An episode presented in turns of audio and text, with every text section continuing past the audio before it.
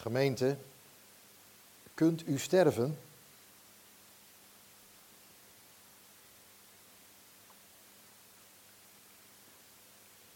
Dat is de belangrijkste vraag in uw leven.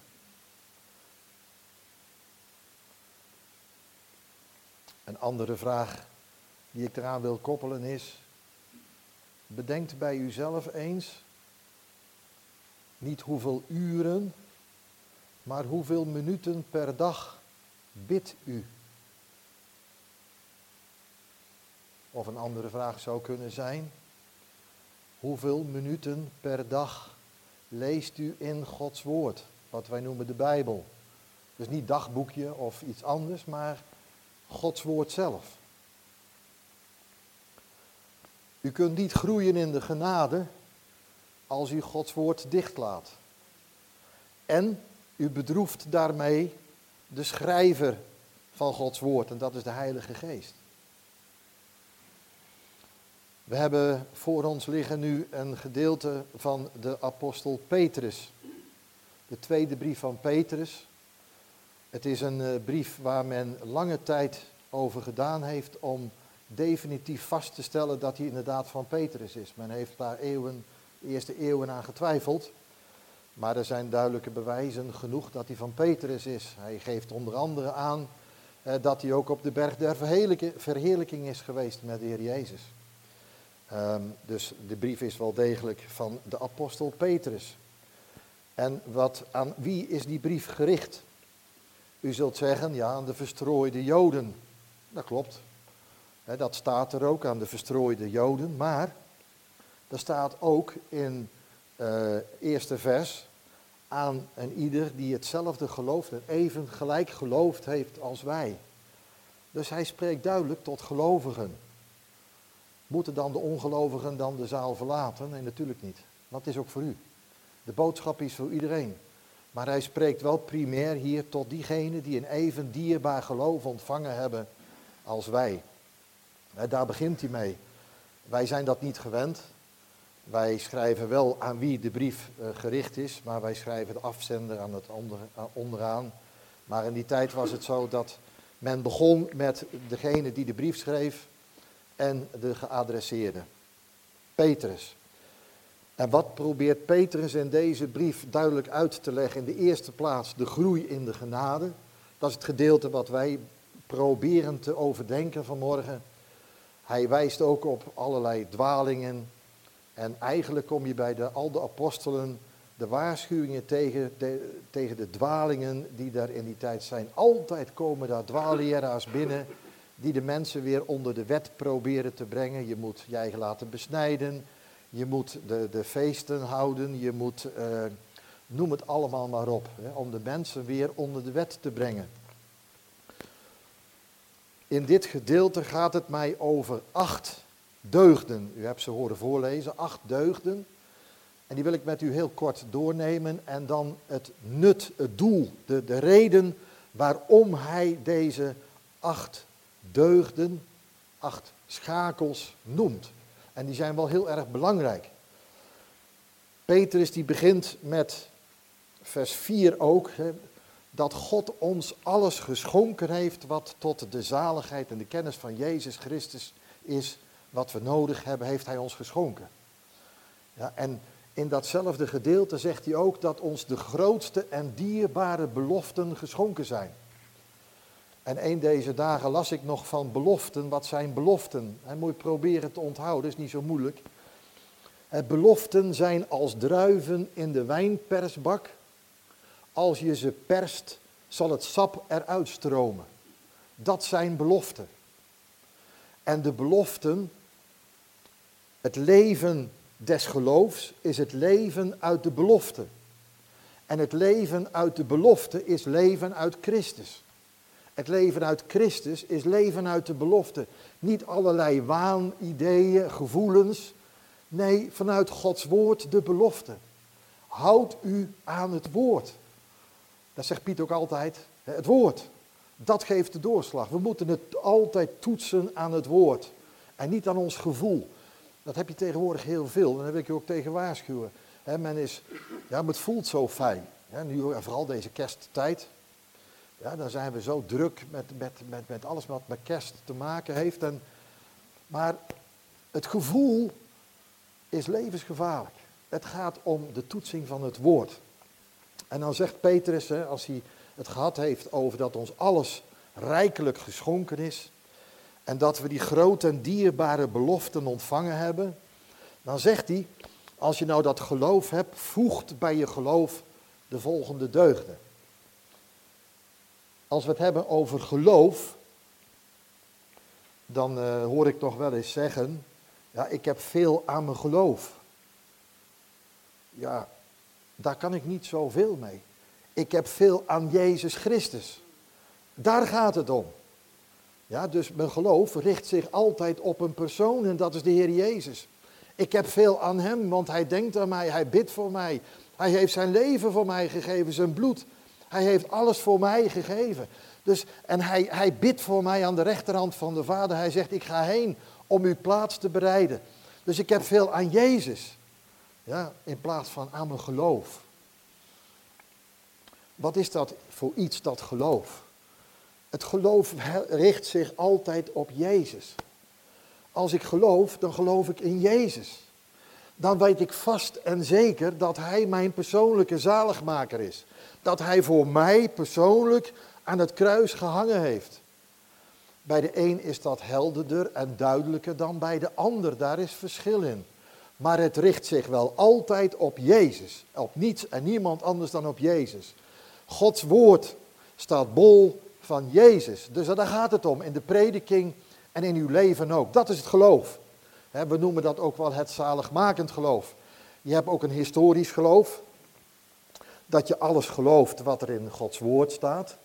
Maar dat maakt niet zalig, dat geloof. Je hebt een tijdgeloof. Mensen die geloven voor een tijd. Maar als het erop aankomt, hebben ze niks. En je hebt ook een wondergeloof. Mensen die geloven in wonderen, maar verder de relatie, hè, zeggen we tegenwoordig, de relatie met Jezus Christus is er niet. Dat lees je ook in de brief van Petrus. Hè. Er zijn dan leraars, die weten het veel beter dan de apostelen. Hè, Paulus die zegt ook in de Korinthebrief dat hij zijn eigen niet druk maakt over de wijze van verkondigen met welsprekende woorden, want dat was toen in zwang, dat was zo belangrijk. Hè, retorica, dat was heel belangrijk als je, nee zegt Paulus, niet, niet welsprekendheid, niet, het gaat om de eenvoud van het evangelie. En dat kun je nooit eenvoudig genoeg verkondigen. Het gaat om de Heer Jezus. Geloof. Dus hebben wij, heb ik, dat waarzaligmakend geloof in Jezus Christus. Mag ik Hem persoonlijk kennen en liefhebben? Heb ik mijn leven volledig aan Jezus gegeven? En mag Hij, Jezus, in mijn leven doen wat Hem behaagt? Onder alle omstandigheden. Nou, dat is niet gering. Petrus die zegt, voegt bij uw geloof deugd.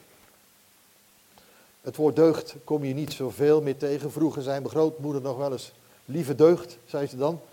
Maar wat ze daar precies mee bedoelde, een beetje een stopwoord. Lieve deugd, zei ze dan. Maar deugd, dat is een, een, een oprecht leven voor Gods aangezicht. Een oprecht leven. En Calvijn zegt bij deze tekst, voegt niet alleen uh, bij uw geloof deugd, maar bewijst uw geloof door de deugd. Voeg dat eraan toe.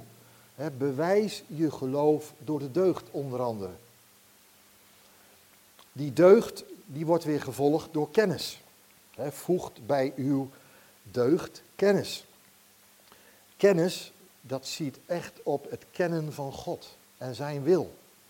Hoe Hij wil dat wij zullen leven. Die kennis is noodzakelijk. En het is belangrijk dat je dat voegt bij de deugd. Bij die deugd kennis. En dan bij de kennis heb je een woord. Uh, de Statenvertaling heeft dat uh, vertaald met matigheid. Nou, matigheid, matigheid is natuurlijk een ontzettend bijbels woord. Maar eigenlijk staat daar uh, zelfbeheersing. En de zelfbeheersing was ook in die tijd best belangrijk.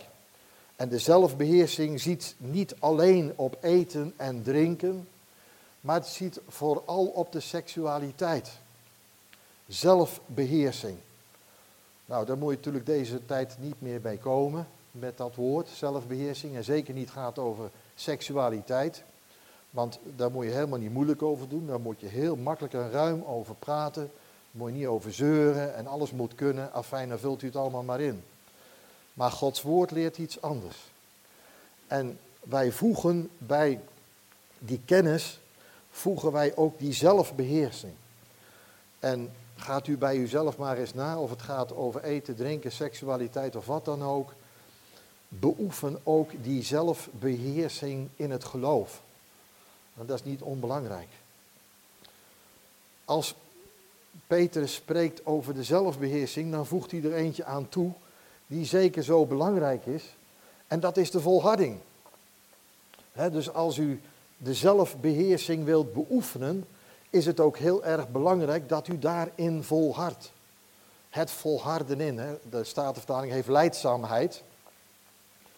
Maar mijn praktijk is dat als ik in de kerken vraag wat is leidzaamheid, dat ik zelden het goede antwoord krijg. Maar leidzaamheid is volharding onder de moeilijkste omstandigheden. Het is een ouderwets woord. Statenvertaling blijft dat handhaven, maar het is echt volharding onder de moeilijkste omstandigheden. Als hij het heeft over de volharding, dan zegt hij voegt bij die volharding godsvrucht. En wat is godsvrucht? De vrezen gods, zeiden de oude mensen, de vrezen gods. En vrezen gods betekent niet bang te zijn voor God.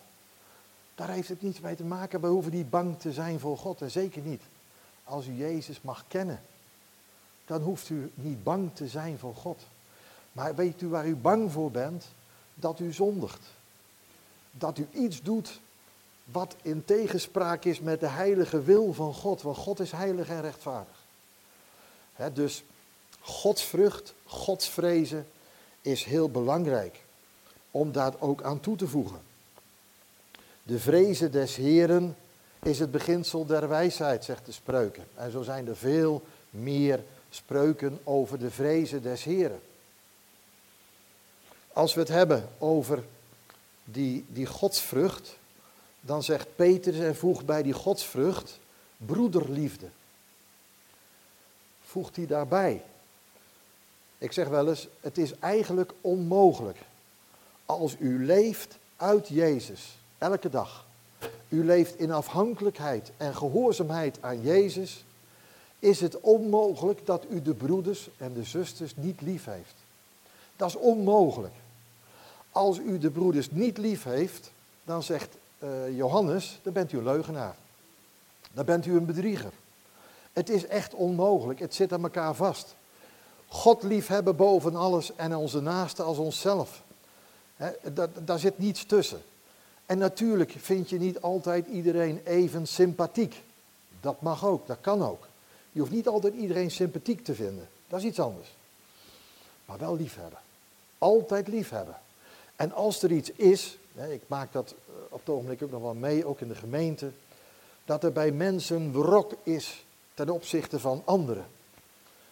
Mensen, als je wrok hebt ten opzichte van wie dan ook, breng het bij de Heer en bid om verlossing want je vermoordt jezelf.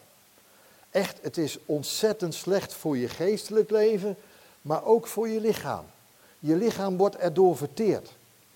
Echt, er kan in het leven van de christen geen wrok zijn ten opzichte van wie of wat dan ook.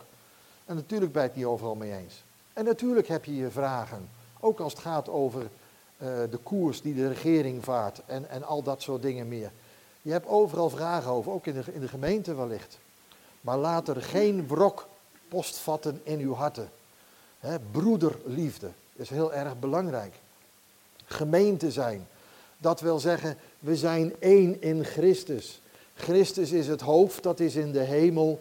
En wij zijn zijn lichaam. Dat zijn de gelovigen. Dat is zijn lichaam. En van de week zei iemand tegen mij, ja, God heeft van ons niets nodig. Ja, dat klinkt natuurlijk wel mooi, maar het is niet waar. God heeft ons wel nodig. En waarom heeft God ons nodig? Tot meerdere eer en glorie van zijn naam. Hij heeft ons geschapen en hij heeft ons ook herschapen als het goed is, opnieuw doen geboren worden. En waarom? Om een lekker lui leventje te leiden voor jezelf, lui lekker land, maar te genieten van alles? Nee. Wij zijn wederom geboren tot eer en verheerlijking van God. Dat is de bedoeling. dus dat is ontzettend belangrijk. En de Heer Jezus is nu niet compleet, zeg ik wel eens. De Heer Jezus is pas compleet als zijn gemeente weer bij Hem is. In zijn koninkrijk. Dan is Jezus compleet, maar nu nog niet. En wij zeggen wel eens, wij verlangen naar de Heer. Maar we mogen ook zeggen, Hij verlangt nog meer naar ons. En dat, kun je niet dat kan ik niet begrijpen. Ik kan er helemaal niets van begrijpen. Als ik mezelf meer leer kennen, dan zeg ik, Heer, verlangt u naar mij? En toch is het waar. En ik wil er nog iets aan toevoegen. Gelukkig ontmoet ik op het ogenblik steeds meer mensen wie er ogen open gegaan zijn voor de liefde van God. Mensen, ik zeg dit niet opdat u makkelijker zult zondigen, dat bedoel ik zeker niet, dat is ook niet de inhoud van de preek. Maar God heeft ons altijd lief, ongeacht wat wij doen of laten. Ja, maar als ik zondig, dan heeft Hij mij nog steeds lief. Niet de zonde, God haat de zonde. Maar God heeft ons altijd lief. Waarom?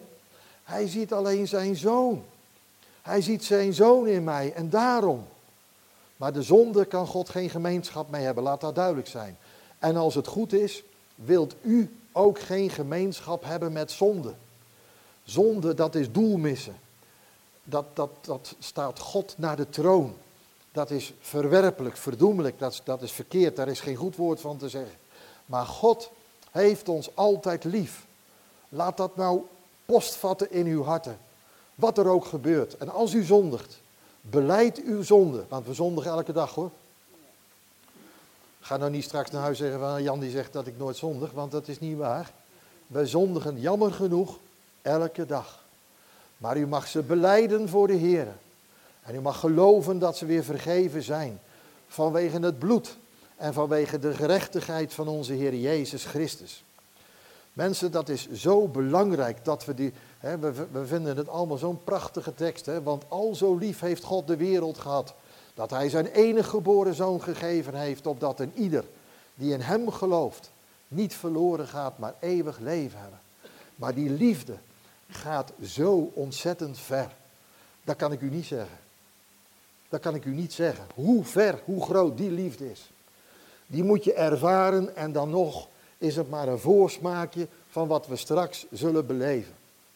Als we straks bij Hem zullen zijn, dan zullen we niet meer zondigen. Dan hebben we geen zondige gedachten meer. Dan zullen we niet allerlei andere dingen, maar dan hebben we maar het oog op één gericht. En dat is Jezus. En dat is mijn hartelijke vreugde om Hem te verkondigen, Jezus Christus. Niet een bekeerd mens of een veranderd mens, zoals je de, maar Christus. Het gaat om Hem. En waarom benadrukt uh, Petrus zo die, die, die acht schakels, zou je kunnen zeggen, die acht deugden? Dan geeft hij drie redenen voor. En dat is ook, dan moet u maar eens nalezen, want dat is heel erg belangrijk. En die drie redenen, uh, die beginnen met het woordje want. En het woordje want is altijd een redengevend woord. Bij die even terug naar die broederliefde, de achtste schakel, is liefde. En in de grondtekst staat daar niets achter. U kon het net ook zien, staat schuin gedrukt. Men heeft daarbij gevoegd liefde voor iedereen. maar er staat liefde, dat is de grondtekst. Maar ik denk dat de aanvulling uh, volledig schriftuurlijk is. liefde tot iedereen. Dat zijn dus de acht deugden vanaf het geloof. Dus eerst het geloof en de laatste is de liefde. Mooi hè, zo'n schakel. zo'n ketting. Ja, die dingen die zo bij elkaar horen. Maar waarom is dat nou zo belangrijk? Dat als ik geloof, dan ben ik er toch? Nee, dan begint het pas. Dan begint het pas, ja. Dan, dan roept de apostel ons op om al deze deugden te voegen bij ons geloof. Maar waarom? Hij heeft daarvoor drie belangrijke redenen, tenminste in dit hoofdstuk. De eerste, daar begint hij met want. Want als deze dingen bij u zijn, dan zullen ze niet, u niet doelloos, zegt de, de, de niet doelloos en ledig laten in de kennis van Jezus Christus. Nog een keer. Als deze dingen bij u zijn, deze acht dingen, ja, die acht deugden, als die bij u zijn, dan zullen ze u niet doelloos, niet ledig laten in de kennis van Jezus Christus. Nou, wat willen we graag? Meer kennis van Jezus. Hem meer leren kennen. Hem meer liefhebben. Hem meer volgen. Hem meer gehoorzamen. Dat is toch de liefde van het hart. Het gaat toch om Hem. Je wil Hem toch volgen, niet meer jezelf leven. Nou, als het gaat over die acht deugden, dan zegt Petrus, want als deze dingen bij u zijn, dan zullen ze je niet doelloos maken. Dan zullen ze je niet ledig laten in de kennis van onze Heer Jezus Christus. Nou, dat is toch een prachtige reden. En dat is de eerste. En in het geloof is het ook noodzakelijk dat er een toename is. Een toename in de kennis van de Heer Jezus. Petrus die zegt aan het eind van uh, 2 Petrus 3, hè, wast dan op, groeit dan in de genade en kennis van de Heer Jezus. Dan roept hij nog een keer op om daarin te groeien. Er moet groei zijn. Als er geen groei is, ja, dan is er eigenlijk niks. Het ware geloof, daarin moet groei zijn. Het moet een toename zijn van kennis van de Heer Jezus, maar ook een kennis van jezelf. Je leert jezelf meer kennen. En hoe meer je jezelf leert kennen, hoe meer waarde krijgt Jezus Christus dan. En zijn offer, zijn lijden, zijn sterven, zijn volmaakte gehoorzaamheid. Ja, dat hij de wet volkomen gehouden heeft. Dat gaat gepaard met zelfkennis. En die kennis, die zelfkennis is ook noodzakelijk. We moeten onszelf ook steeds meer leren kennen in alle schuilhoeken van ons hart. Want er leeft nog zoveel wat niet deugt. En dat moet eruit. Dat moeten we beleiden. We mogen ook de Heer elke dag weer danken als hij weer regen geeft. Want na die droge zomer, na die droge zomer en het waterpeil wat zo laag was, maar God geeft weer regen. Moet je ook opmerken mensen, want er is er maar één die regen kan geven hoor. En dat is niet de regering of wie dan ook. Hij geeft het. Daar mogen we hem ook voor danken. Ja, dat het waterpeil weer op orde komt. Dus mensen, zie uit naar groei in de Heer Jezus. Ik heb toen eens een keer gezegd, toen we spraken over vulling met de Heilige Geest, dat is leeg van jezelf en vol van Christus. En dat is noodzakelijk, dat we vol zijn van Hem en niet meer van mijzelf. Want ik bedoel altijd mezelf. Elke keer weer bedoel ik mezelf. En dat is ook mijn worsteling. Heren, hoef ik mezelf niet te bedoelen. Te bedoelen. Thuis, onderweg, in een samenkomst, in Uden. Niet mezelf te bedoelen, maar Christus bedoelen. Daar gaat het om. we zijn zo arglistig. oh Jan, eh, mensen walgelijk. walgelijk, niet. Verheerlijk Christus. En die toename is zo belangrijk. Dus als wij die acht deugden, als wij die beoefenen mogen, als wij die voegen aan ons geloof, dan zal het ons niet doelloos en niet ledig laten in de kennis van onze Heer Jezus Christus. Nou, dat is natuurlijk een prachtige tekst. Dat is de eerste, want dan staat er ook nog tussendoor, bij wie deze dingen niet zijn, ja, die is ongelukkig, die heeft vergeten zijn reinigingstaven. je kunt dat ook vergeten. Je kunt ook afzakken, afdwalen van het fundament. Maar de tweede de, de tweede reden waarom Petrus zo benadrukt dat die acht deugden toegevoegd worden aan ons geloof, dan zegt u, want als u dat doet, dan zult u nimmer meer struikelen. En ik ben tot hinken en tot zinken ieder ogenblik gereed. ik, als het niet linksom is, dan is het rechtsom. Ik ben vanuit mijzelf zo'n struikelaar. Ja, dan val ik in die zonde en dan in die zonde. Maar de apostel Petrus bedoelt hier te zeggen, als je dit doet, dan zul je nimmer meer struikelen. Je zult niet van de genade afvallen en je zult ook niet in de genade struikelen, hè, maar je mag vast in hem zijn. In onze kringen hè, kom je nog wel eens veel mensen tegen, vandaag heb ik het en morgen ben ik het weer kwijt. En ik wil u dit zeggen. Lauwheid en twijfel gaan hand in hand. Probeer het maar te onthouden. Lauwheid en twijfel gaan hand in hand. Daarom worden we ook opgeroepen, zijt vurig van geest. Vurig van geest om, om hem, hem te verheerlijken en hem te volgen en hem te gehoorzamen. En dat is zo belangrijk, dat is zo heerlijk. Want dat geeft een afhankelijk, een aanhankelijk en een heerlijk vredig leven met hem. Dat is belangrijk, dat is die tweede wand. En dan komt er nog een derde wand. Een redengevend woord heb ik al gezegd. Dan zegt de apostel in de derde plaats, ja, als, je, als, als deze dingen bij je zijn, dan zal het uh, je geven een, een rijke ingang in het koninkrijk van Jezus Christus. Een rijke ingang in het koninkrijk van Jezus Christus.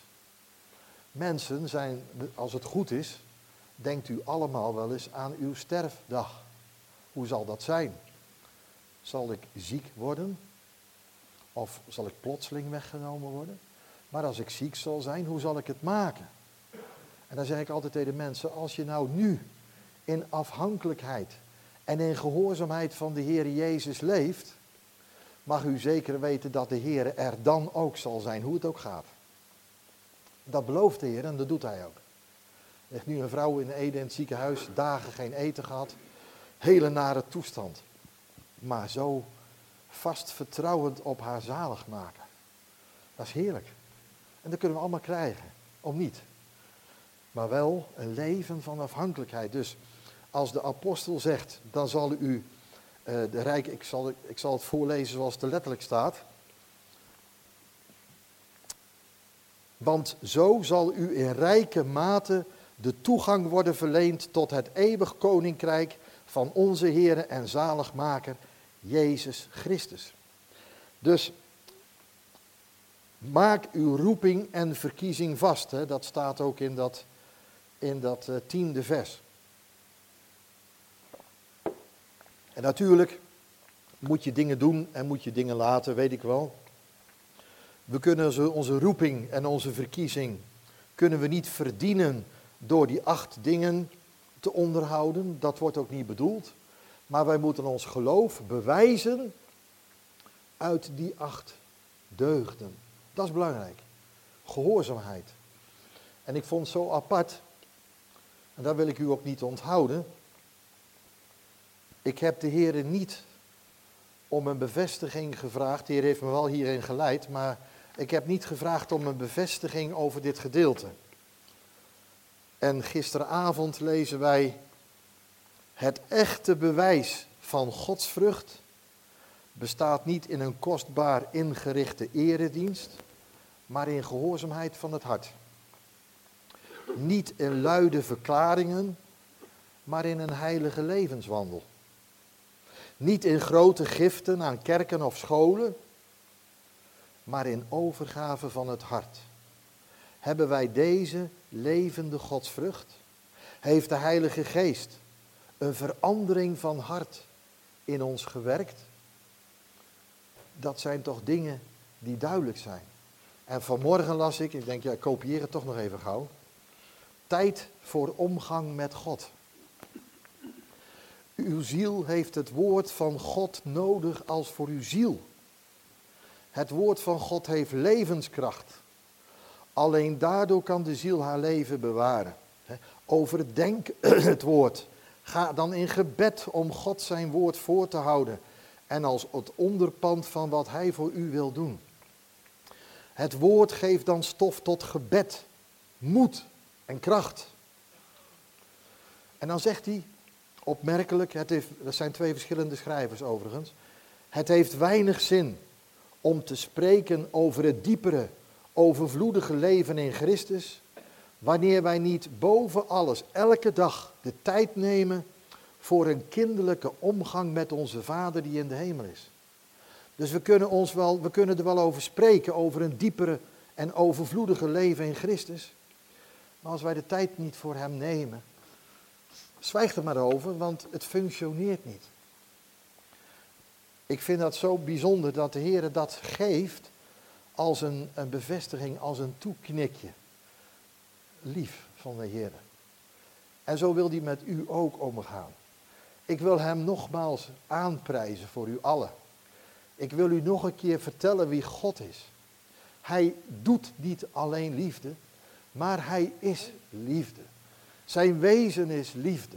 Als er staat in Efeze 3, Jezus, hij is onze vrede.